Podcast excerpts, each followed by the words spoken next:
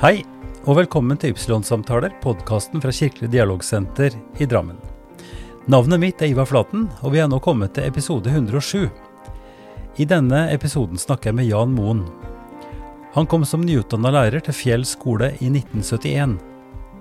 Det ble et spennende år for Jan, fordi han fikk ansvaret for første klasse, og begynneropplæringa var ikke tema i det hele tatt i hans lærerskoletid.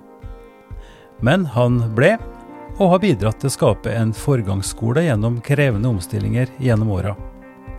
Han har lagt mye vekt på tilpassa opplæring for å skape motivasjon og god selvfølelse. Jan forteller også i denne samtalen om sin barndom og oppvekst som adoptert, og hvordan han igjen fikk kontakt med sin biologiske mor. Å mestre og å lykkes er drivkraften for trivsel og god læring, både i skolen og ellers, sier Jan. Da har jeg gleden av å invitere, ikke bare invitere, men ønske velkommen Jan Moen hit til podkaststudiet. Takk for det. Jan, vi har, jeg vil si at vi har vært kolleger på et vis. Vi har jobba begge to, eh, og vi kan si har jobba, for nå er begge av oss pensjonister blitt. Men jobba her på Fjell eh, i et samarbeid som har vart gjennom mange år mellom Fjell skole og, og Fjell kirke. Og Det har vært uh, veldig interessant, og jeg har flere anledninger sagt at, uh, at Fjellskole har vært en slags mentor for, uh, for, det arbeidet som vi også har prøvd å, å jobbe med i Fjell kirke. Mm. hva er grunnen til det, tror du, at jeg sier det? Jeg tror at vi um, Vi har nok valgt å, å løfte fram mangfoldet, og det er det samme som du har gjort i, på ditt område. da. Mm ikke bare løfte fram, men å finne ut av hvordan det er å jobbe i en bydel og et sted der mm. mangfoldet er veldig tydelig. Uh, og det, du, du, har jobba der i mange år, Jan. Uh, en som jeg snakka med her før, uh, Egil Fladmark, var din forgjenger. Mm. når kom du til, til Fjell skole? Jeg begynte på Fjell i 1974. Da kom jeg rett fra lærerskolen. Og um, det var Vatne som var rektor den gangen, og han sa at jeg skulle ha førsteklasse. Det syns jeg var eh, Det var så fælt, for på lærerskolen så var det ingen som hadde snakka om begynneropplæring. Nei. Det var helt nytt. Ja. Så jeg kunne ikke bøss om det, og spurte Vatne om jeg ikke kunne begynne med fjerde klasse.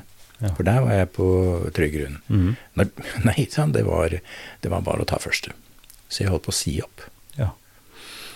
Eh, men så var det veldig vanskelig å få jobb på den tida. Så når jeg først hadde fått den, så måtte jeg nesten holde fast i den. Så gikk jeg på biblioteket og fant, eh, og fant ei bok som het 'Fra dag til dag i første klasse'. Ja. Og da tenkte jeg at yes, da har redningsplanken kommet. Mm. Da kunne jeg i hvert fall bare følge den, da. Men eh, det høres jo veldig rart ut å være ferdig med fagutdanning, lærerskole, uten å ha drøfta begynneropplæring? Ja, og jeg gikk jo på, på noe som het treårig klasseleder- eller lærerutdanning, mm. hvor vi fikk eh, flere fag, da. Men, men uh, lærerskolen var ikke lagt opp til at man skulle snakke om begynneropplæring. Da måtte du ta småskolepedagogikk f.eks., så var det mer med. Men i den vanlige allmennlærerutdanninga så, så var det ukjent gods. Det høres jo, jeg må si ærlig og oppriktig, rart ut. Jeg har sjøl gått lærerskolen. Uh, og nå husker jeg ikke helt uh, hvordan det var, men, men, jeg tror heller ikke vi fikk så fryktelig mye. Jo, noe fikk vi nok. Men det var jo noe seinere. Det var jo slutten av 70-tallet, begynnelsen av 80. Ja. Nå, nå, ble det et fantastisk år. Jeg har ikke hatt noe år som har vært så spennende som lærer som det året. For det å være med i den prosessen hvor man hvor barn da fra disse her merkelige tegna, mm. som da heter bokstaver, som mm. plutselig blir um, meningsfylte meningsbærere. Mm. Setter dem sammen, så får du ord, og så setter du sammen ord, så får du setninger. Ja. Og den, den, den, reisa der, mm. den, den, var utrolig morsomt å være på. Ja. Så du, du, du, ble stimulert til å jobbe mer med, med begynneropplæring, eller hvordan tok det så ut? Ja, jeg tok sped. Ja. Begynte på det da jeg hadde tredje klasse. Mm. Og det var også en utdanning som var veldig fin. Da kunne du være på forelesning på tirsdag kveld, og så på onsdag kunne du ta i bruk det du hadde lært. Ja. Og der var jo begynneropplæringa, altså lese- og skriveopplæring, matematikkopplæring, den var da veldig bra eh, representert, og veldig grundig og flott metodisk. Mm. Så det var eh, fremragende. Det andre året, det var eh, mer på generelle lærevansker. Mm. Og det var også interessant, men det var liksom ikke hverdagen. Nei. Barn med hjerneskader og sånn, det, det var ikke norm, normaldagen. Nei. Eh, hvordan hadde det seg at du begynte på lærerskolen? Ja, det er litt morsomt. Jeg hadde vært eh, speiderleder i eh, Begynte som 13-åring med det, så det hadde jeg syntes var gøy. Og så hadde vi eh, hytte oppe i Ål. Um, og når vi, hele familien var der, da skjønner mm. i dag ikke hvordan vi fikk plass. Søstera mi hadde jo fire barn. Og to voksne. Og så var det mor og far og meg, så det var nokså nok så trangt. Mm. Og så hadde vi 100 meter stigning for å komme opp på Snaufjellet. Mm. Og med små barn så var det litt påkjenning. Eh, Og da ble det min jobb å fortelle eventyr og fortelle historier og sånn, og da steg motivasjonen for å gå. Så da merker man ikke høydemeterne så mye. Og det, da husker jeg søstera mi sa at eh, ja, du skal bli, bli lærer, sa. Jaha. Underfor, underforstått jeg var god da, til å greie å, å motivere noen til å orke mer enn de ellers orka. Ja, ja, nettopp. Eh, hvor, eh, hvor vokste du opp igjen? Jeg vokste opp i Drammen. Ja. eh, og begynte på Notodden. Og det å komme inn på lærerutdanninga da på den tida der, altså i 71, så det var et veldig trangt nåløye. Mm. Men akkurat det året så begynte folkehøyskolene. Nei, unnskyld, ikke folkehøyskolene, distriktshøyskolene. Ja. Mm. Så da forsvant det veldig mange av de med veldig gode karakterer, gikk dit. ja. Så det ble en sånn dupp i inntaket. Så jeg kom da inn på Notodden, og det gjorde jo også mange andre raringer. Så i klassen min så hadde vi jo en som var sjømann, men han som var mest spesiell, hadde reist rundt som fakir. Jaha. Så når vi hadde fest, da, så tok han med seg senga si, og så Spikersenga. Fikk vi prøveligge spikerseng. Oi, oi, oi. Så det var et eh, poeng å skjønne at eh, jo tettere det var med spiker, og jo mer te fryktinngytende han var, Ja. jo bedre var han å ligge på. Ja. Ja. For um, få spiker, da ble det noe med bæreevne og flate og sånn. Fysikk, rett og slett. Ja, da er det fysikk. Ja. Interessant. Eh, Så det, det mangfoldet i, på lærerskolen var også interessant, Ja, tenker jeg. ja, den klassen min var nok litt eh, Eller det kullet var nok litt annerledes. Så året etter så hadde jo inntakskravene steget igjen. Så da eh, var de tilbake på det gamle kjøret, da. Ja. Mm. Men hva syns du du fikk ut av lærerskolen? Ehm, Jeg syns det var ehm, utrolig spennende. Jeg fikk til, eller syns denne koblinga åpen pedagogikk og fag veldig, veldig bra. Så jeg gløda i de tre åra. Så da jeg var ferdig med det, så tenkte jeg når jeg reiste hjem at eh, hm, finere år får jeg ikke igjen. Nei. Hvor du da kunne være student, styre livet ditt sjøl, hadde veldig få forpliktelser, og så få holde på med noe som da var eh, veldig gøy. Mm. På heltid. Mm. Det, det syns jeg var eh, Ja, det, det var storveis. Men, men, jeg- du, men ja. du var i eh, eh, hvor, hvor gammel var du da du starta opp der? Skal vi se, da 71, da var jeg eh, 22. Ja, ja nettopp. Ja. nettopp. Så, men men eh, når du sier at bedre år får du ikke igjen, betyr at du hadde Altså åra før, du trivdes ikke på videregående, eller altså hvordan var det? Nei, åra på videregående var greit. Jeg var veldig opptatt av å jobbe med speideren. Ja. Så eh, jeg må nok takke gode venner for at jeg kom meg gjennom videregående. ja. Fordi Eh, Ja, fordi de, de Jeg skrev av en del lekser, da, for å si det sånn. Eh, og en av de het jo Terje. Han matematikk gikk på reallinja. Matematikk var jeg dårlig i. mm, Eh, Så når vi kom ut på på påsketider omtrent i tredje klasse, så, så skjønte jeg at dette kom til det kom til å gå gærent. mm, Så hadde vi noe som het projeksjonstegning. Ja. Ja. Eh, og jeg greide ikke å se i rom. Nei. Og da er det jo litt tuklete å skulle dreie legemer og tegne snitt og sånn. Ja, ja, ja. Men så det akkurat som det datt ned en sånn bryter opp i huet, så plutselig så jeg i rom. ja. Og dermed så kunne jeg jo levere en fremragende oppgave i projeksjonstegning. ja. Den gjorde at jeg sto. Ja, altså projeksjonstegning, det, det er noen merkelige greier. Og jeg husker at vi hadde det sjøl òg. Da jeg gikk på gymnaset, jeg tok gymnaset som privatist, Ja. og drev og skrev eh, brev til NKS og sånn. Men akkurat det der fascinerte meg veldig. Jeg var heller ikke sterk i matte. Men det med projeksjonstegning, det syns jeg var kult, altså. å tegne, forskyve, liksom legge en snu på de. Mm. Eh, altså som du sier, en slags 3D-greie da, på flate arket. Ja, ikke sant? Og hvilke snitt er det som er synlig? Ja. Mm. Det var helt strek. Og hvilke snitt er det som nå er usynlig og ligger bakafor? Mm. Det var stipla linje. Mm. Men, eh, men er det ikke et slags Altså det du egentlig sier mellom linjene, og, eh, Jan, er at du var ikke noe spesielt skoleflink? Eller var det bare enkel, innenfor Nei, enkelte fag? jeg, ja, matte var nok av en eller annen merkelig grunn var jeg svak i, da. Ja. Så var det et dumt valg å velge reallinja, men det var litt sånn Ja ja, det var jo den skarpeste linja, kanskje. Da hadde jeg flest valgmuligheter etterpå. Ja, ja, ja. Så det var nok Mm. litt sånn. Ja. Nei, fordi eh, Nettopp. Men at du at du da valgte å komme inn på eller begynte på lærerskolen, var jo som du sa, det er søstera di som pigga deg litt opp, som sa at du er flink med Mm. unger og klarer å motivere med fortelling og sånt. At det Mm. var, at det var lærerens er det, er det det som er lærerens oppgave? Å distrahere unger? Nja, i hvert fall motivere dem, kanskje. Ja. ja, på hvilken måte da? Jo, det er jo det å få lysten til eh, å bevege seg framover. Uh, når jeg begynte som lærer, så, så hadde jeg en jeg Kanskje alle lærere har det når de begynner, men en forferdelig eh, bråkete klasse. Mm. Så hvordan i all verden skal du liksom få ro og orden der? Ja. Mm. Og for å unngå å havne i en rolle hvor jeg blir sånn, skulle være en sånn skrikende ape Mm. som ba om ro, så, så hadde jeg i klasserommet Den er gjemt på, faktisk. Den har hjemme et sted. En sånn kartkrok i metall. Sånn Ja. som du trekker ned Ja, ja. eh, kart med, vet du. Ja, altså en lang, altså lang stang med en krok på, ja. Ja, metall, gjerne måtte være av metall. Ja. Mm. Eh, og så tenkte jeg at eh, jeg får prøve dette her med å skape en skarp, plutselig lyd som trenger gjennom surret, for det var utrolig høyt.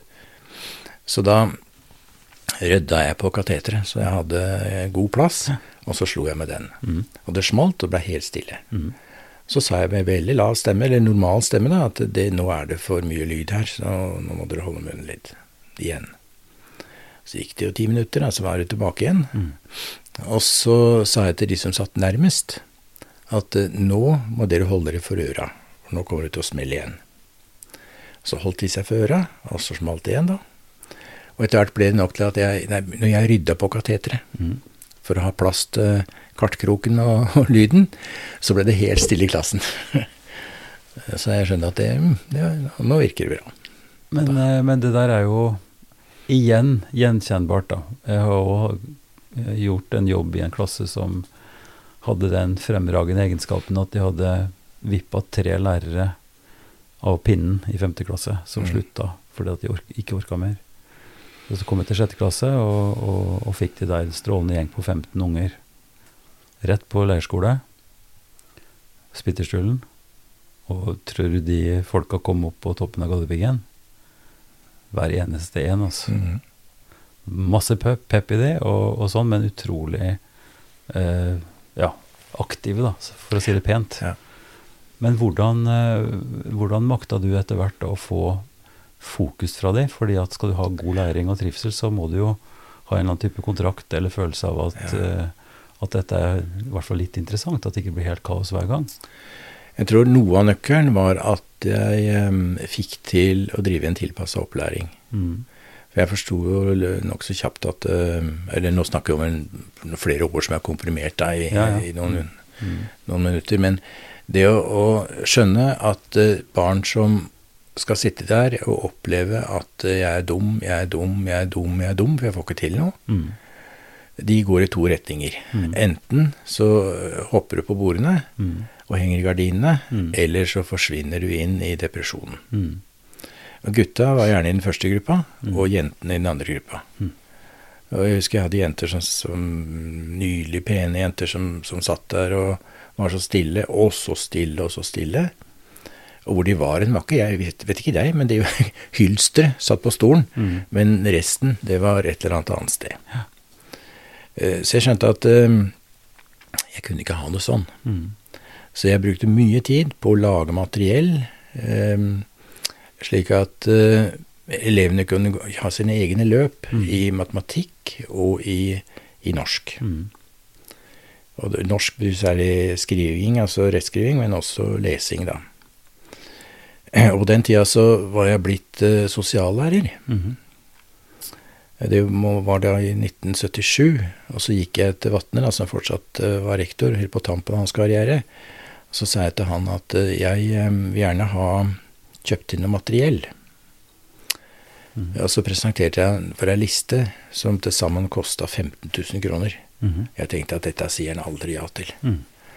Det svarte han ja på flekken, bare kjøp inn. Eh, Kanskje litt fordi at han skulle slutte. Ja, Så var det ikke han som satt med et eventuelt underskudd.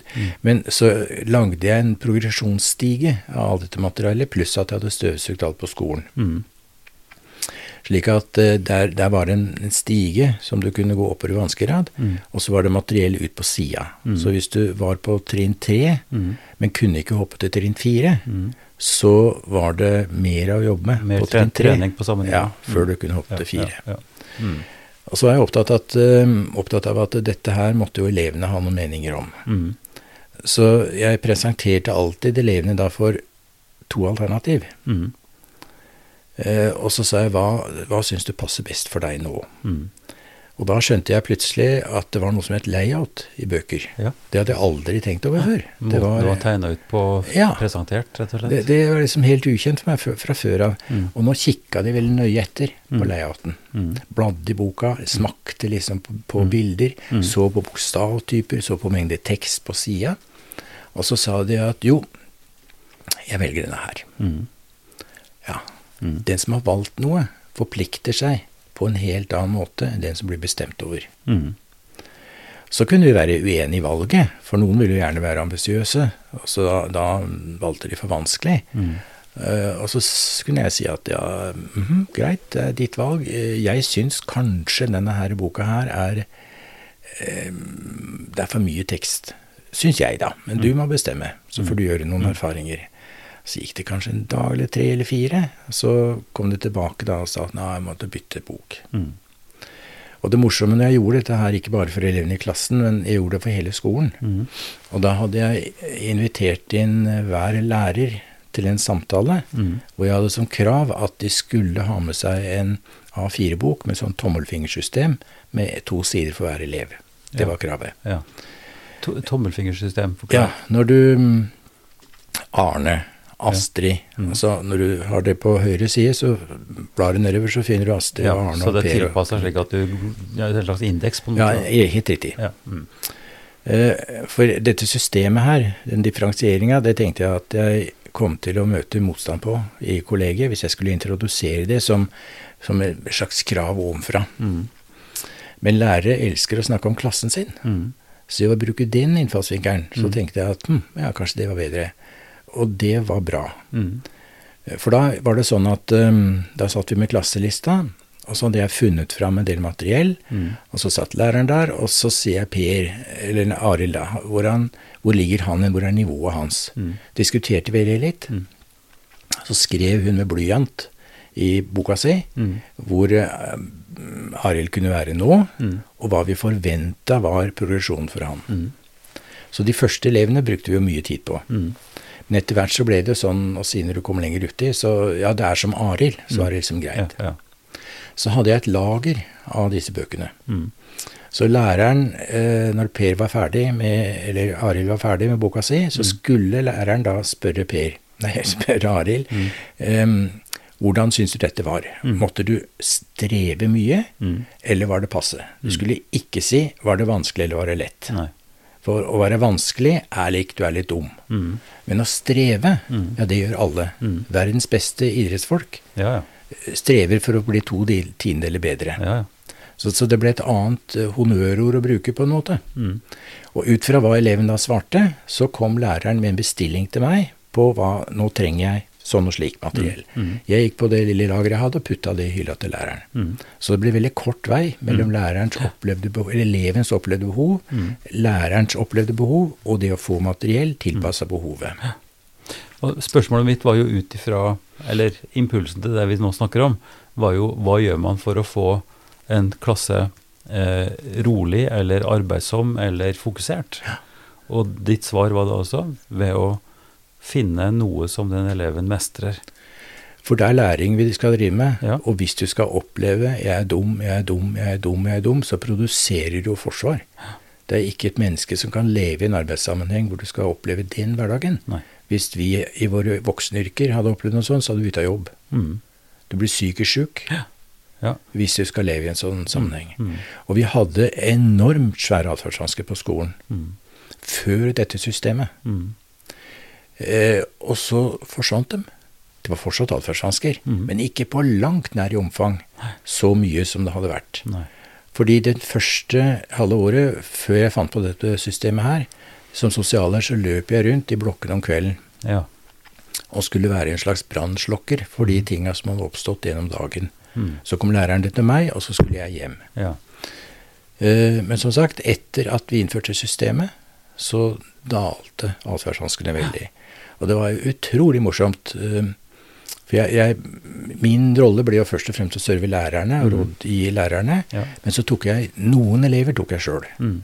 Det var enten de svakeste Mm. eller de flinkeste. Mm. Og det var veldig gøy å komme over skolegården, og så er det en eller annen som jeg hadde snakka med dagen før, da, Mm. som roper tvers over gården 'Jan, Jan, jeg er nesten ferdig!' Kult. For da tenker jeg ja, da har vi fått i sving en sånn prosess hvor det å mestre Mm. og lykkes er noe som er drivet for videre skolearbeid.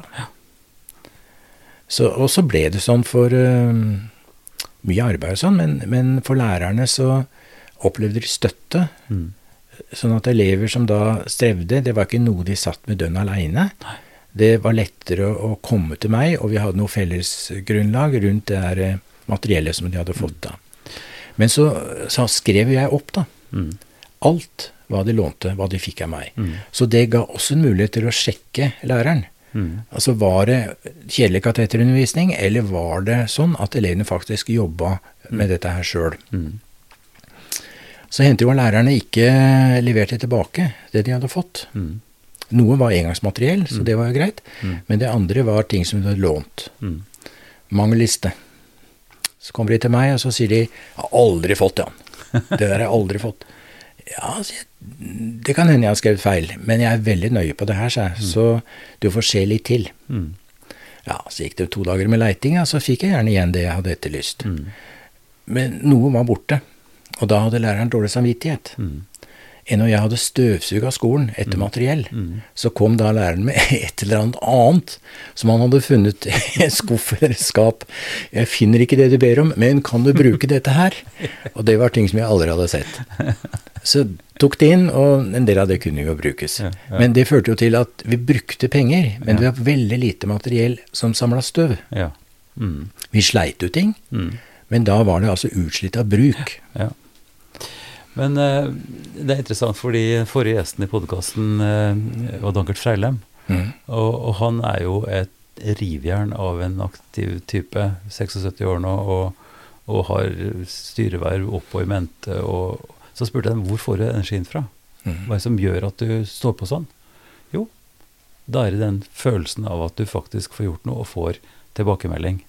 Altså at du får ting som betyr noe for andre, gjør ting som andre- gir uttrykk for også. Mm.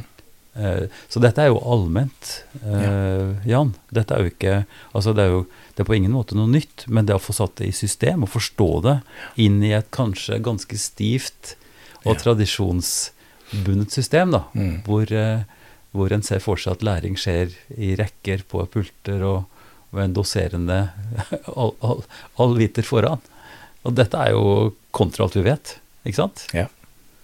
Hvor, hvor, eh, hvordan opplevde du det fra starten av? Si litt om barndommen din, oppveksten din. Um, jeg er adoptert, eh, og har vel um, Jeg blir jo fortalt visst det hele livet. Uh, det var nok av mor som da fortalte en historie om adopsjonen min. En nylig historie, Mm. har jeg tenkt på etterpå også. Fordi hun sa det sånn at uh, de hadde lyst på barn, men kunne ikke få barn. Mm. Og så hadde de da bestemt seg en dag for at de skulle gå på barnehjemmet. Mm.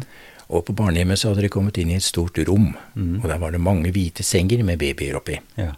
Og så hadde de gått og kikka, da. Kikka ned- nedi, nedi sengene. Og så hadde de sett en liten kar som hadde smilt til dem. Og hadde gjort så godt inntrykk. Så han ville de ha. Og det var meg. Ja, det, var nesten som en sånn, eh, sånn butikk. Det var selvfølgelig ikke sånn i virkeligheten. For det var et nøye utvalgt system. Jeg snakka med en sosionom på, Oslo, på Helserådet i Oslo mm. når jeg var på jakt etter min biologiske mor. Ja. Og eh, hun fortalte meg at de plukka ut så godt de kunne likheter mellom biologisk familie og adoptivfamilie. Ja. Eh, litt på utseendet, hvis de ikke kan gjøre det. Ja. Eh, også litt sånn på ferdigheter. Altså en, en biologisk familie hvor biologiske foreldre f.eks. For var musikere, mm. så så du da gjerne etter om det var en adopsjonsfamilie som var musikere. Ja. Ja. Så så godt som mulig som prøvde man å matche. da. Akkurat. Så det var, det var starten. Du ble, du ble henta inn i en familie som ville ha deg. Ja, ja det, det, var det. Og jeg, da jeg fikk barn sjøl, så ble det litt viktig å få kontakt med min biologiske mor. Mm. Så jeg eh, fikk spor av henne, vil Si det hjalp jo eh, Helserådet meg med, da. Mm. Og hun var villig til å møte meg. Mm. Og da var jeg nervøs. Ja, så jeg husker jeg gikk oppover til Helserådet, så så jeg ei dame som kom mot meg, og jeg fikk for meg at det her er, det er mora mi. Ja.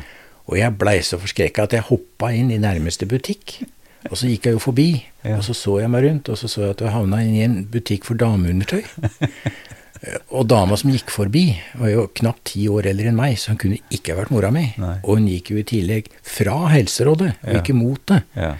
Men det sa noe om at jeg var Så stressnivået ditt var relativt høyt? Ja, relativt høyt. Men da møtte jeg henne, og så det var et veldig fint møte. Og når sosionomen skjønte at jeg ikke var ute til å slå i hjel noen, så, så, gikk hun. Ja. Så da gikk vi ned på Bondestova, tror jeg det het, og så, og så ja, spiste vi litt og ja. sånn. Så hadde vi da et veldig fint møte, etter mine begreper. Eh, jeg møtte da en gang til. Da hadde jeg med meg Christian, da, som var eh, første barn. Mm.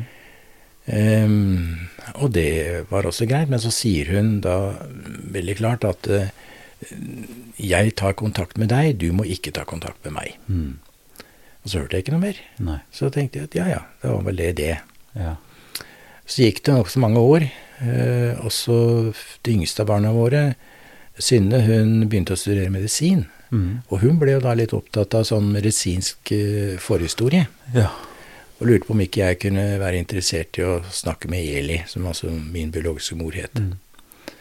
Ja, ja, ja, du må gjøre det nå, pappa, ellers så kan det hende hun dør snart. Mm. Så da ble det at jeg tok kontakt med Eli. Så de siste fem-seks åra som Eli levde, så hadde vi fin kontakt. Mm. Og da fikk jeg jo litt mer innsyn i, i hennes beveggrunner, fordi hun eh, hadde jo noen Altså, hun ble gravid, og gravøren ville ikke gifte seg med henne. Og da eh, skulle hun ta livet av seg. Hm. Det var det ene hun lurte på.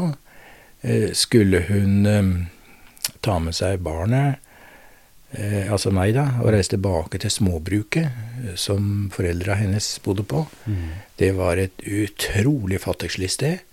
Der var det ei eldre søster med et barn som var uh, uten far. Som, som har kommet i ulykka? Som kommet i ulykka, ja. ja. Uh, og skulle da Eli komme med en til, liksom, på dette lille småbruket? Mm. Nei, det var ikke noe særlig løsning. Barnehjem? Nei, det hadde jeg ikke lyst til. I påvente av at, jeg, at det ble bedre tider. Mm. Så da ble det adopsjon, da, som mm. var uh, løsningen. Og det som Etter at jeg gjenopptok kontakten med henne, så var jeg og besøkte den gården. Mm. Eh, og så det huset som da jeg ville ha vokst opp i. Mm. Eh, og det var så fattigslig at det var helt utrolig.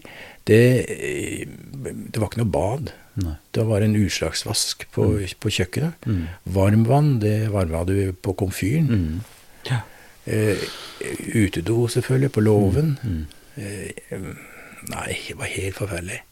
Så, så, hun hadde helt rett når hun sa til meg under første møte at uh, du har nok fått en mye bedre oppvekst enn du ville fått sammen med meg, sa hun. Mm. Og det var jo skyldbelagt, selvfølgelig. Mm. Og skambelagt.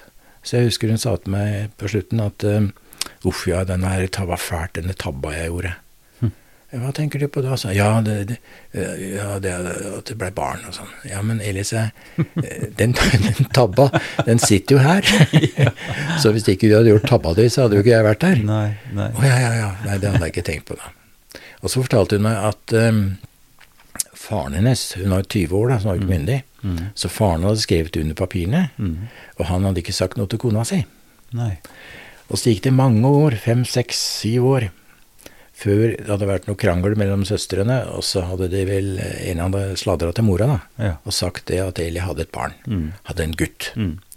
Og da hadde mora til Eli blitt hoppende gæren, og, og sagt at ja, hvorfor kom du ikke med han?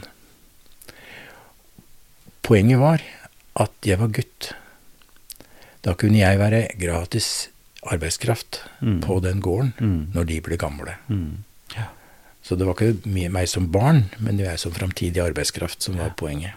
Men ja, det der eh, det, det er jo en dramatisk historie, men så er det en vakker historie òg, ikke sant? Eh, For du sitter her, og du har, ja, som du sa eh, Det blir veldig, veldig rart å skulle si at eh, en ikke skulle ha kommet i ulykka. Mm. Eh, jeg har akkurat det samme i min historie. Ja. Eh, veldig dramatisk. Eh, er min eh, er min oldemor såkalt da kom i, i ulykka. Og eh, eh, hun dro hjem til en ytterst fattig klubbplass. Ja. Lite småbruk på Dombås. Ja. men eh, hun kunne ikke bli der lenge, så hun ble gift igjen og flytta til USA. Men gutten, som da er min, min bestefar, Ja. Han ble igjen hos sine besteforeldre Ja. på den plassen. ja, riktig. Og dermed så, så starta min historie, og han gifta seg med min bestemor, da, og de fikk ni barn og en fosterbror. Og, ja, så, det, det er en uh, voldsom historie. Ja. Men hvordan det gikk der borte i USA, det er mer tragisk. Ja. Men altså, det var så ned på beinet noen ganger. Det var så krise at jeg tror vi i vår sammenheng har vanskelig for å forstå både beveggrunner og hvor dramatisk det var. Mm. Vi har jo tross alt en god del systemer rundt oss nå. Ja, ikke sant. Og de, mine adoptivforeldre, da hans far jobba i, i Drammen kommune som veiarbeider, og det var jo fastlønn. Mm. Mens eh, der oppe var det nok veldig varierende inntekter. De, de hadde ikke hest, de lånte hest på bygda Mm. for å få pløyd litt. Eh, Min bestefar da, han eh, hadde hatt en eh, hjernebetennelse i 1920-21 år. Sånn at han var lam i overarmene. Mm. Så han kunne bare liksom løfte opp til Mm. til og med der underarmen har styrke. Altså armen over hodet greide han ikke. Så kan du lure på hvordan i all verden kunne han da være bonde. Mm. Men det var det han dyrte. Han levde av. Måtte. Ja. Måtte. Men eh, si litt mer om, om oppveksten din da, hos dine adoptivforeldre. Du kaller vel de foreldre, kanskje? Eller hvordan Ja, jeg kaller dem foreldre. Ja. Ja, det, det var en, en helt grei eh, oppvekst, men eh, jeg skjønte jo etter hvert, eller som voksen har jeg vel skjønt mer av det, at det var nok limet som skulle holde et parforhold sammen. Nettopp. For da ble jeg et fellesprosjekt som de to hadde. Ja. For min mor hadde ei jente fra før av Mm. Eh, med en eh, sjømann, så han drukna før de rakk å, eh, å formalisere forholdet sitt. da. Mm. Og denne humor tillot ikke at min far altså skulle da adoptere hennes datter. Nei. Så jeg tenker at det kanskje også Ja. Mm. Men husk på, da snakker vi om midt på 30-tallet. Ja. Eh, hvordan skulle da, når du er i ulykka, da, Mm. hvordan skulle du livnære deg? Ja. Det, Ja. det å finne en snill mann Mm. Hadde du fått dratt det loddet, Mm. så tenker jeg at det var vel ikke så nøye hva du sånn sett følte. Nei. Det var uh, matbilletten for å greie seg. Ja. Som sagt, helt, helt andre rammevilkår, helt andre si, måter å tenke på, av nødvendighet. Ja, det er jo det. Mm. Og jeg syns det, det er ganske nyttig faktisk å prøve å eh, det, det, slår, det slår meg gang på gang hvor utrolig historieglemske vi er. Mm. Og hvor fort bare historia få år tilbake blir borte for oss. At det, det, det er sånn som, vi, sånn som det er nå, altså i vår sånn umiddelbare nærhet i tid og rom, det er, det er verden. Ja. Og sånn som verden er. Og at vi òg har eh, ytterst vanskelig for å forestille oss hvordan verden er hvis vi flytter oss eh, noen hundre kilometer, tusen Ja, kilometer. Ja. Fordi at verden er sånn som det her, og vi ser med undring på at, at andre Ja, og begynner å tenke skyld, eller, eller hvorfor er de så late, eller så videre. Ja. Jeg gikk eh, to og et halvt år i terapi. Eh, for jeg hadde deler av barndommen min hvor hvor det var bare svart høl. Mm. Jeg huska ikke ens. Det er klart det har skjedd ting der som ikke var så bra. Men jeg eh, fikk igjen Jeg, jeg huska igjen fra jeg var fire år. Mm. Men det var fireåringens perspektiv. Mm. Så jeg så aldri opp av benken, f.eks. Jeg så bare nedenfra. Ja. Og opp på undersida av benken. Ja. Eh, og det var veldig rart mm. å liksom gå gjennom den, den fasen der. Og jeg fant igjen rom på rom. Det var stue, det var kjøkken, Mm. og så var det soverommet som mor og far hadde, eh, hvor jeg også sov da. Den var et svart høl. Og den forble et svart hull. Men de to andre rommene, de kom igjen. Mm. Og dermed så huska jeg jo hvordan, eh, hvordan vi hadde en liten vannvarmer som hang på veggen. Mm. Så når det var tid for bading, så var det en sånn sinkbalje. Ja. Eh, Så mor hadde vann, varmvann derfra, Mm. og så hadde vi kaldtvannskran på veggen. Mm. Og så var det å blande passende temperatur, Mm. og så var det å kunne sette seg ned i det. da husker jeg fikk akkurat plass Ja. oppi den sinkbalja. Ja. Eh, ja. Og så var det utedo. Ja. Og det å sitte på den doen, og så titta du nedi, og så var det jo langt ned. Fryktelig langt ned. Eh, Og det er ikke så lenge siden. Nei. Nei, nei. Ikke sant? Det er i 1953-54. Ja. Ja, ja.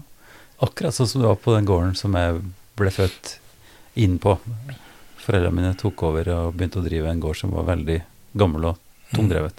Så vi hadde utedo de første åra.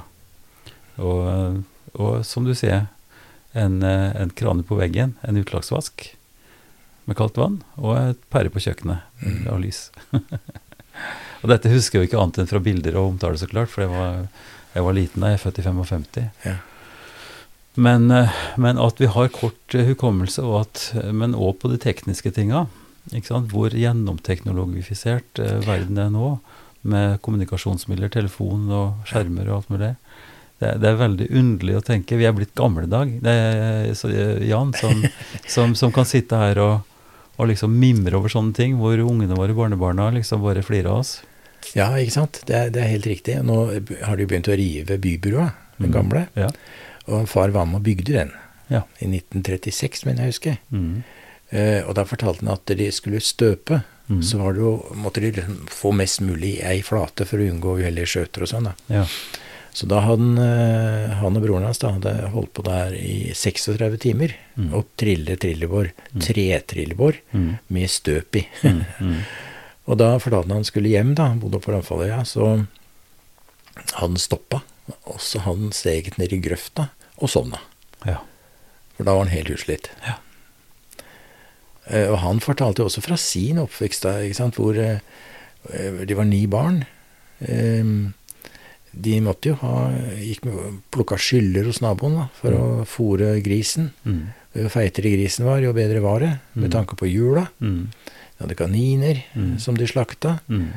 Og mor, bestemor, da, hun kokte jo en enormt svær kjele med poteter. Mm.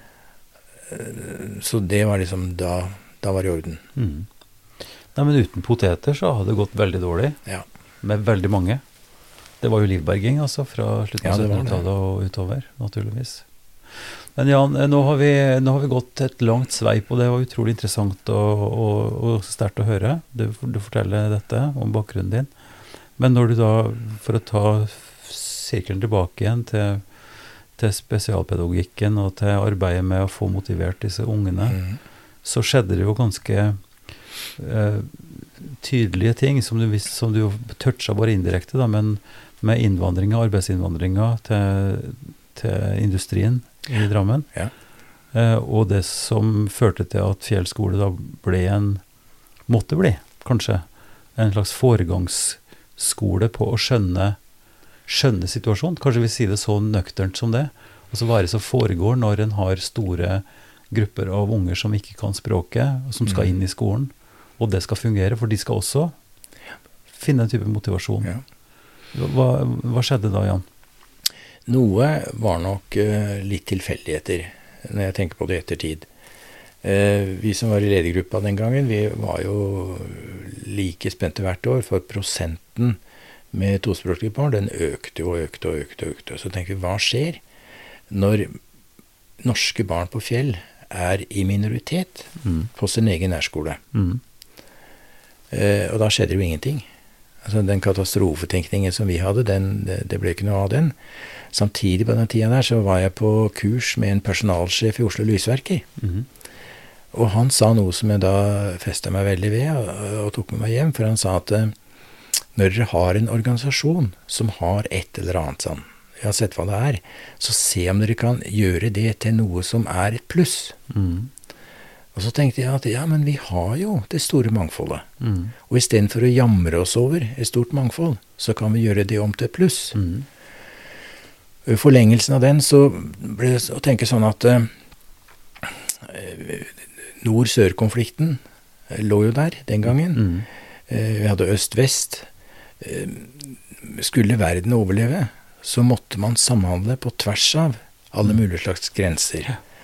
Og her hadde vi en skole hvor du møter barn fra alle mulige steder i verden Mm. som nettopp kunne samhandle på tvers av grenser. Mm. Og det ville jo gi de en kompetanse, tenkte jeg, Mm. til å gå ut i dette flerkulturelle verdenssamfunnet som lå foran dem og venta, som ville være et pluss å ha med seg. Mm. Sånn ekstra i bagasjen. Mm. Eh, Så fikk jeg jo Egil med veldig på den tanken her, Mm. For da var Egil Fladmark blitt Ja. rektor. nettopp. Eh, Og mm, han kjøpte veldig eh, dette tankegodset, og så eh, var det som hvordan skal vi visualisere det, det mangfoldet. Og så kom ideen om at vi skulle male flagga på fasaden. Mm. og Egil han, han hang jo i stegene kveld etter kveld etter kveld etter kveld og malte. Og så hadde vi offisiell avduking. Og dette falt jo litt sammen med at Norge Rundt eh, kom og skulle lage en reportasje. Det tror jeg var i 1984 eller 85. Mhm. Og det ble jo eh, for oss som da var vant til å være på en skole som var bånn i bøtta, så kommer liksom nasjonalt fjernsyn og filmer hos oss. Eh, i bøtta, hvor kommer Jo, det fra? på- ja, unnskyld, nå gikk jeg litt, hoppa litt tilbake. Ja. Vi hadde, Skolen var jo ferdig i, eh, påbegynt i 71, var ferdig i 74. Mm. Da hadde vi masse problemer. Mm. Fordi de to øverste blokkene på Fjell, 115 164, det blir jo regna som sosialblokker Mhm. den gangen. Mhm. Det er massevis av familier, særlig enslige familier, hvor ungene sleit, foreldra sleit. Eh, Jeg husker det var en vikar som kom og sa til meg at Jan, eh, ungene skulle ha med seg noe godt noe, noe før jul og sånn. Så var det en som hadde med seg hadde med seg en halv kylling og en pose potetgull. Er liksom det vanlig? Ja, det var sånn det var, men han var liksom overraska. Og men sånn var det jo. Mm. Det var snakk om å overleve. Mm. Kjempesvære atferdsvansker. Og dette ble jo slått opp i pressen. Mm. Og jeg husker enda en overskrift fra Drammens-tiden. Fjell, Fjell skole landets dårligste. Mm. Og det var ikke spørsmålstegn etter engang. Så det, vi kom fra en historie hvor vi var bånn i bøtta. Mhm.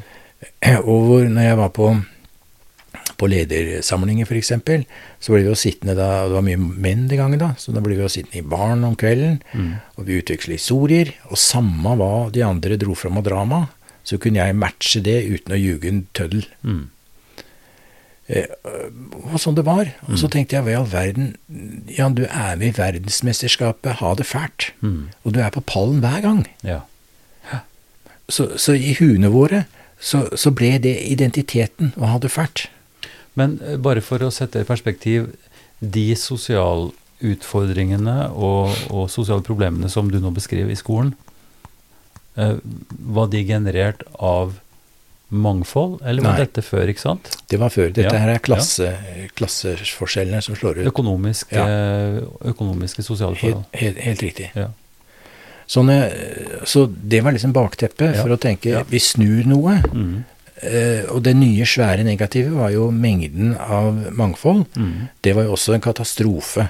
Men hvordan er Så det bare støtta opp om den samme fortellingen Nettopp. om eh, verdensmesterskap i Ja. katastrofe og krise? så, så kom den, eh, disse flagga som han Egil malte, og så snudde vi rundt. Mm. Og da snudde vi kanskje for mye. For nå var det plutselig veldig gromt.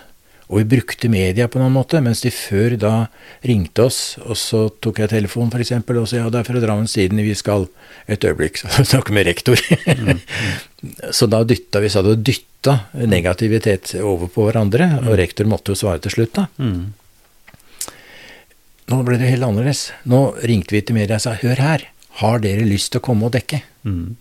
Og så kom de. Mm. Fordi det var jo veldig visuelt sterkt. Ja. Når du hadde alt mangfoldet, ja. altså store, svære, flotte oppslag, Mm. og ytterst til høyre så sto det en liten pusling med et lite norsk flagg. Mm. Så vi holdt på å tråkke over. Mm. Det holdt på å bli sånn at eh, det var alt mangfoldet som var det store poenget. Mm. Det å være norsk, det var nesten en sånt beklagelig faktum. Mm. Eh, Jeg syns ikke vi landa i den gropa, men vi var snublende nær. Ja. Og det, og det førte vel òg til, jeg har jo sett oppslag og, og, og vet jo noe om at, eh, at familier også, eh, om ikke trikses, så i hvert fall strekker seg langt for å slippe å sende Mm. ungene til, til den skolen av samme grunn. Ja. At en får en følelse av minoritet i, eget, i egen by. Og, og noen ganger så ble det var det riktig. Hvis du f.eks. har ei jente, eller datter, da, Mm. også i klassen din, så er det bare hun som har norsk bakgrunn. Alle de andre jentene kommer fra et annet sted. Så er faren for at du blir eh, veldig aleine, Mm. den er ganske stor. Mm. Fordi det var veldig svær avstand herifra og ned til fjell. Mm. Uh, Og jentene på fjell ville ikke ha noe behov for å komme hit opp. Og hit opp, da tenker du Austad? Austadsko, for Ja, eksempel. mm. De hadde jo da mer enn nok sosialt nettverk i samme oppgang eller i naboblokka. Mm. Så at ensomheten for den jenta Mm. som bodde Mm. her, Ja. den, den ser jeg. Mm. Men når vi da eh, fikk til den snuoperasjonen Vi hadde f.eks. For, for å unngå denne her en, en norske eleven som var klemt ute i periferien, Mm. så, så startet vi Vi hadde Norsk uke. Mm. hvor vi fokuserte på dyreliv, eh, eventyr. Eh, gjorde om hele skolen til sånne eventyrhuler Mm. hvor det skulle formidles. Mm. Eh, samtidig som vi hadde danser, men det var norsk dans, Mm. og vi hadde minoriteters ulike danser. Mm. Leiker, Mm. norske tradisjonelle leiker, Mm. og de andre. Mm. Så, ja, så jeg syns ikke vi ramla i grøfta. Men det er jo et interessant sånn medialt eh, perspektiv her, altså fordi det var noe nytt og noe spennende. Og det å kunne komme, komme opp og, og, og fortelle om og være stolt av, skaper jo mye interesse. Og også skapt mye interesse for Fjell skole. Eh, det er jo noe en kan filosofere over. Hvorfor får man priser? Hvorfor blir noen fremad frem, fremfor andre? Mm. Eh, og, og det har en slags sånn logisk eh, konsekvens. Man blir lagt merke til, flere legger merke til en, og, så, og så begynner ballen å rulle, og så blir det Så, så Fjell skole har fått veldig mange ulike priser. Humanistpris, eh, Ja. eh, han eh, Benjamin. Vil, eh, Benjaminprisen. Benjaminprisen, ja. Ja. Og, og andre ting. Fått besøk, Mm. besøk av Unescos statsråd. øh, Hva heter det for noe? Ja, den Unesco sin pris. Men bare følg med på den tanken at Ja. altså, det her er en slags eh, synlighet som øker, og så vil jo det da med nødvendighet kanskje å føre til at de som står rundt, begynner å lure på ikke sant, eh, jante, da, eller følelsen av at hvorfor skal dere hele tida opp, osv. Ja. Som, er, som er både forståelig eh, og ganske interessant. For det er jo ikke sånn at, det da, at de andre skolene i byen, eller altså at andre er så mye dårligere, men han har fått en fokus og en synlighet. Ja, ikke sant? Mm. Som er positiv, så klart, men som også kan kanskje føles eh, bli litt voldsom for andre. Ja, det er veldig interessant at du sier, fordi eh, altså, den, han som var skolesjef den gangen da, etter at det begynte denne snuoperasjonen Jeg husker jeg snakka med han, og så var jeg fyr og flamme over et eller annet oppslag, og så sier han at ja, det er ikke så greit alltid med disse oppslaga. Da ble jeg helt paff. Mm. Så tenkte jeg, hva verden. Eh, Så tenkte jeg, jeg skal jammen ta igjen litt her. Så Mm. sa jeg at ja, men eh, eh, det må da være flott det, at skolen, altså Drammenskolen, Mm. får, får omtale. Mm. Ja, det er ikke så greit, skjønner du. Da skjønte jeg han sikkert hadde tapp, fått litt av den derre Ja. må ikke komme her og komme her. Mm. Men så sa jeg til henne at eh, du må gjøre motsatt. Du, du, må, du må sørge for å abonnere på at alle positive oppslag som kommer om Drammenskolen, de havner på skrivebordet ditt. Mm. Og så bør du ringe til de skolene, Mm. eller sende dem noe, så du overbringer en hilsen over at du er så glad som toppsjefen for skolen i Drammen, at de er med på å sette Drammen på, eller skoleverket i Drammen på den kommunale dagsordenen. Mm. For dette må jo bety litt for deg også, det er jo penger her. Mm. Jo mer du kan fronte en skole som viser seg fram, jo større sannsynligheter er det for at det kommer noe mer penger. Mm. Hm, han bare blåste litt i barten, og så, og så gikk han. Men, men det, for meg ble det en sånn helt feil måte. Du skal kan ikke legge deg langflat Nei. og si at uff, nei, vi skal ikke ha noen som kan stå fram med noe bra. Nei, nei, nei. nei. Nei da, absolutt ikke. Men det er bare en, det er bare en, en, en ting som jeg sjøl også har lagt merke til, at det kan være noen tilfeldigheter. Altså En jobber hardt og, og bra og vet at en gjør mye bra, og så er det litt, kanskje litt ujevnt fordelt hvem som får responsen. Uh, og det, det kan, jeg kan jo si det, for jeg har fått noen priser sjøl, og jeg ser at det er ikke bare det, det, det er litt underlig. Det er veldig hyggelig, men så er det også samtidig litt Ja. sånn at ja, men det fins jo så utrolig mange andre som Ja, gjør en, en kjempeinnsats. Men, men det er ikke poenget nå at vi skal på en måte prøve å, å minimere det, fordi at det er jo foregangsarbeid. Og, og det er et arbeid som ikke bare er interessant for Drammen, men som er interessant både pedagogisk, metodisk for skoler, og det er også interessant i enhver organisasjon å se på ulikheter som en ressurs, ikke som et problem. Ikke ha det homogene like som ideal, men nettopp mangfoldet som en, som en forstyrrende impuls, eller som en sånn gnissing, som gjør at en må tenke etter, og, så, og, og kanskje tenke nytt til og med. Og så er det et argument som vi ikke har berørt, og som jeg aldri løfta fram eh, i noe eh, offentlig fora. Eh, det handla noe om hvilke lærere vil fortsette å være på Fjell. Mm. Husk på de åra hvor det var eh, svære negative oppslag. Hvorfor i all verden skal du ville være lærer på Fjell da? Mm. Med den elevmassen vi hadde, stort sett. Mm. Eh, Da kan du jobbe på en annen skole i byen. Du har en helt annen elevflokk. Og når du har et samfunn som da premierer prestasjon, Mm. så vil jo som lærer på en helt annen måte få utkvittert din faglige dyktighet når du har elever som greier seg veldig bra på nasjonale prøver, eller hva det måtte være. Mm. Så hvorfor da jobbe på et sted som Fjell, hvor du, den bakken, den læringsbakken, Mm. er mye brattere og mye tyngre å gå? Mm. Så jeg tenkte at eh, for at lærere skal gidde å fortsette å være på Fjell, så må de være stolt av skolen sin. Mm.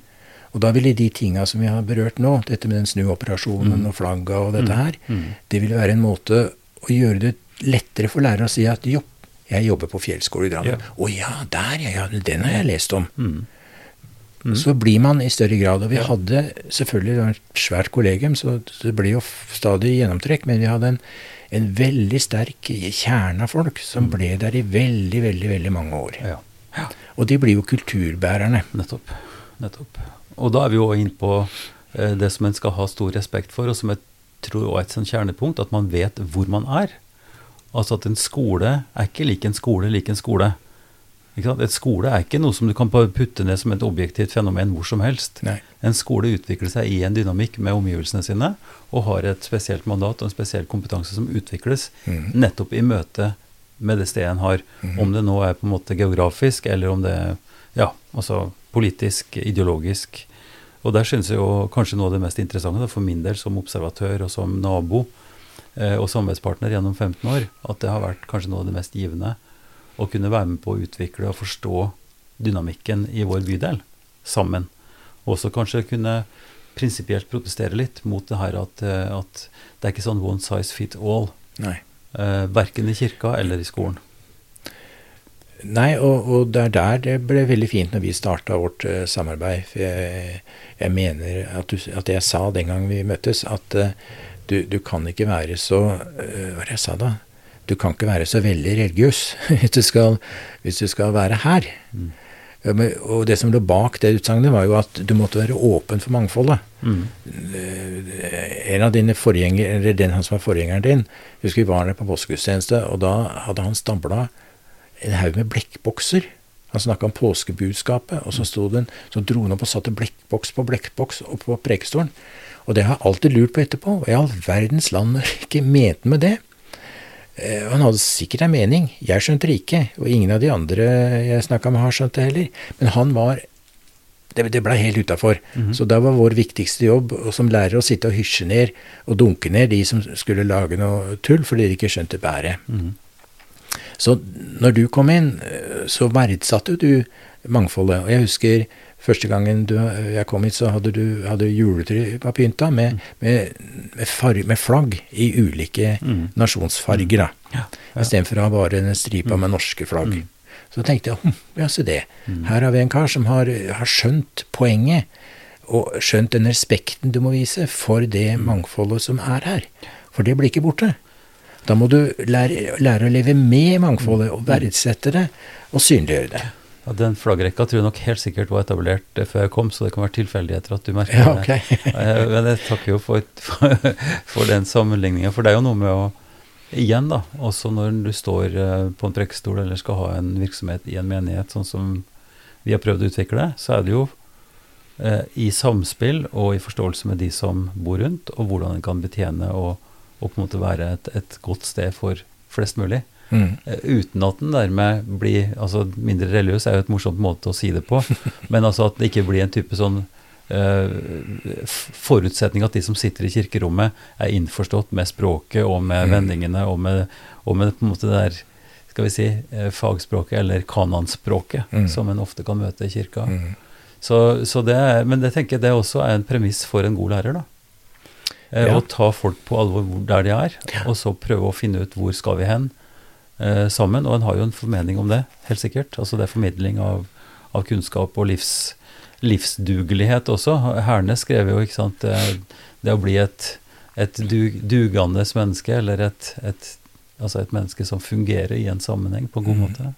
Og det er vel oppgaven vår både i fjellskole og fjellkirke, tenker jeg. Ja, så er det eh, Så skjedde det en utvikling etter hvert som jeg hadde mer og mer vanskeligheter med, og det var Vi lagde felles, lære, felles lokale læreplan her i Drammen. Mm. Og den, den elefanten som var i rommet som ingen vågde å løfte fram, det var at her får vi barn som er veldig ulike, Mm. og som representerer et mangfold. Mm.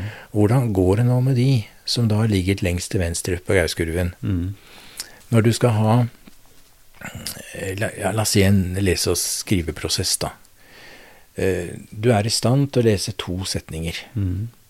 Forventningen er at du skal lese ti. Mm. Der ligger de fleste. Mm. Og så legger man opp til at det er ti. Mm. Du har greid to, ja, så blar du om. Så leser du bare to nye setninger. Mm. Så den røde tråden, den som f.eks. skal gjøre at du gidder å bla om, Mm. det er jo fordi du har oppfatta ting, har skjønt det, er motivert, syns det er spennende. Mm.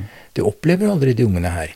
Verden er jo fragmentert. Mm. For det, før de har kommet seg gjennom noe og opplevd helhet, så går verden videre. Mm. Mm. Så da blir det sittende igjen, etter mine begreper, eh, stor slump Mm. med barn Mm. som aldri opplever å lære noe i en meningsfylt sammenheng, Mm. og få det til å bli en helhet. Verden er bare fylt av sånne fragmenterte Mm. læringsbiter. Mm. Men det ble ikke adressert noe sted, så sånn bare var det. Marsj i takt. Mm. Så det, det, men da, da er vi tilbake igjen eh, til respekten for enkeltelever og tilpassa opplæring, og finne ut hvor de står hen, og hjelpe dem til å kunne utvikle seg derfra. Ja. Eh, og, og dette er jo samtidig en metafor på, hvis en skal da bli litt sånn gammel, eh, gammel sur gubbe igjen, da, som vi kanskje kunne beskyldes for, at verden har blitt sånn også, når det går på medieformidling, og når det går på sosiale medier, og går på kunnskap, historieforståelse. Mm. Sant? Vi er så kortsiktige, og, og ting skjer så fort, og vi, vi blir låst inne i litt for korte resonnementer. Slik at både Igjen, da, vi må runde av nå, for timen vår har gått. Men, eh, men det bidraget som en lærer og rektor har gjort, sånn som du har gjort, Jan, og sånn som vi også prøver på i kirka, handler jo om å skape helhet og forståelse og motivasjon for å kunne ta tak og, og, og gjøre noe med den verden vi har foran oss Mm. på en måte som gir mening både for oss sjøl og, og for andre. Så eh, da tror jeg jeg skal få lov til å takke for, for samtalen og for den eh, innsatsen du har gjort på det feltet, og ønske lykke til videre med de utfordringene som du nå står i. Takk skal du ha, Jan. Takk for at jeg komme. Vi er nå godt inne i vår tredje sesong av Ypsilon-samtaler, siden starten i januar 2020. Samtalene de går videre. Nå, også etter at uh, undertegnede Ivar Flaten har blitt pensjonist, så fortsetter jeg å produsere disse samtalene for Kirkelig dialogsenter i Drammen. Podkasten støttes av Barne- og familiedepartementet, av Einar Juels legat, og ikke minst fra Drammen kommune gjennom IMDi-midler. Du kan uh, lytte til andre episoder og se oversiktene hvis du går til www.ypsilonsamtaler.no. Skriv også gjerne en e-post, og da kan du bruke eh, adressen ivar ifd.no. Vi høres.